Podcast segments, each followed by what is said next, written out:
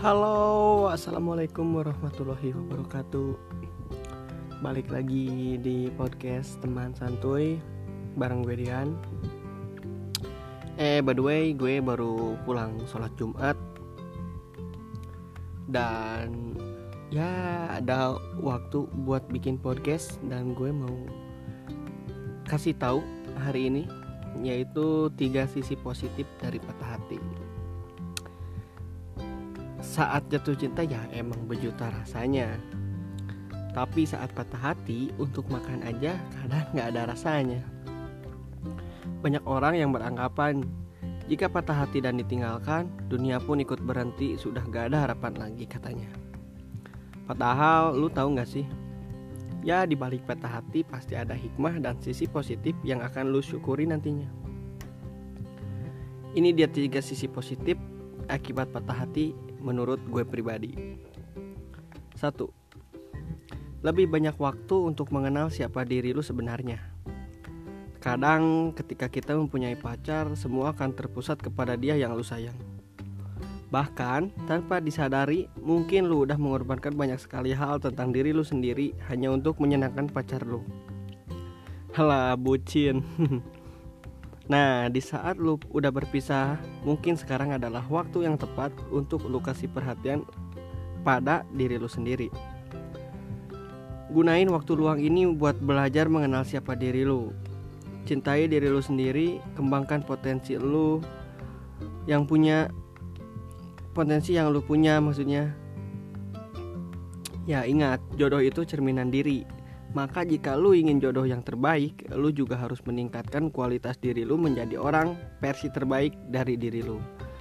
Yang kedua, lebih tahu apa yang lu mau. Nah, selain lu lebih mengenal diri lu, ketika ditinggalkan dan kini sendiri, ini adalah waktu yang tepat untuk lu benar-benar memikirkan apa sih yang lu mau? Pacar yang lu cari seperti apa? Pacar yang lu butuhin itu seperti apa? Dan bahkan bukan hanya tentang pacar. Inilah juga waktunya lu memikirkan hal-hal lain yang lu mau dalam hidup lu.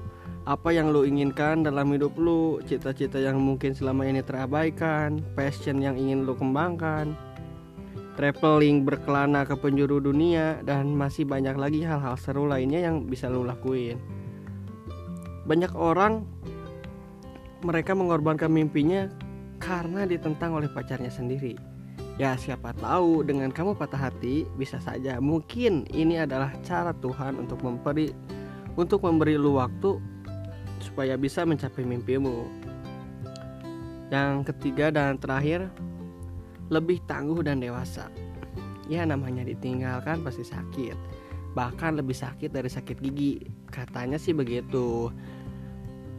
Tapi apa pun itu ingat rasa sakit inilah yang bisa membuat lu lebih kuat dan dewasa pastinya. Berpisah dari dia juga bisa membuat lu belajar menjadi pribadi yang lebih mandiri. Kalau sebelumnya lu selalu minta tolong dia, sekarang gak ada salahnya lu pergi sendiri. Kalau dulu mungkin apa-apa harus minta izin, apa atau apa dari dia, sekarang belajar untuk punya keputusan sendiri. Nikmati perjalanan kesendirian lu dan saat lu jomblo, adalah saat yang tepat untuk mengingat hubungan baik dan buruk dari hubungan lu yang dulu.